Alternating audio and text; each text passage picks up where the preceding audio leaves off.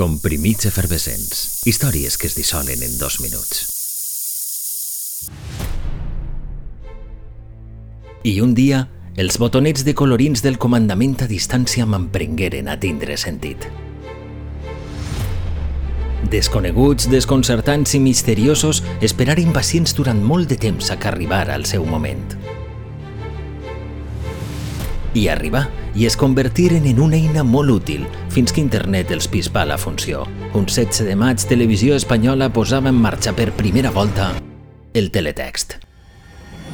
La seva imatge electrònica i alhora entranyable i rudimentària ens acompanyaria durant molts anys i multiplicaria la nostra capacitat d'obtindre informació independentment de l'emissió del moment.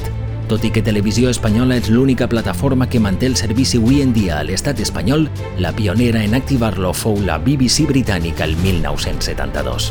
Fou sobretot un gran avantatge per a les persones amb dificultats auditives, que pogueren començar a seguir la programació gràcies a la subtitulació.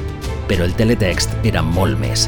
Allà cabia tota classe d'informació, des de l'oratge fins a la classificació de lliga, passant per l'estat del trànsit i els resultats de la loteria un univers de quatre colors que prompte introduirien els canals autonòmics i també els privats. No obstant, l'espenta d'internet i la posada en marxa d'altres plataformes interactives molt més eficaces, ràpides i atractives acabarien per jubilar una manera d'acostar-se a la informació que avui complix 29 anys, des del 16 de maig de 1988.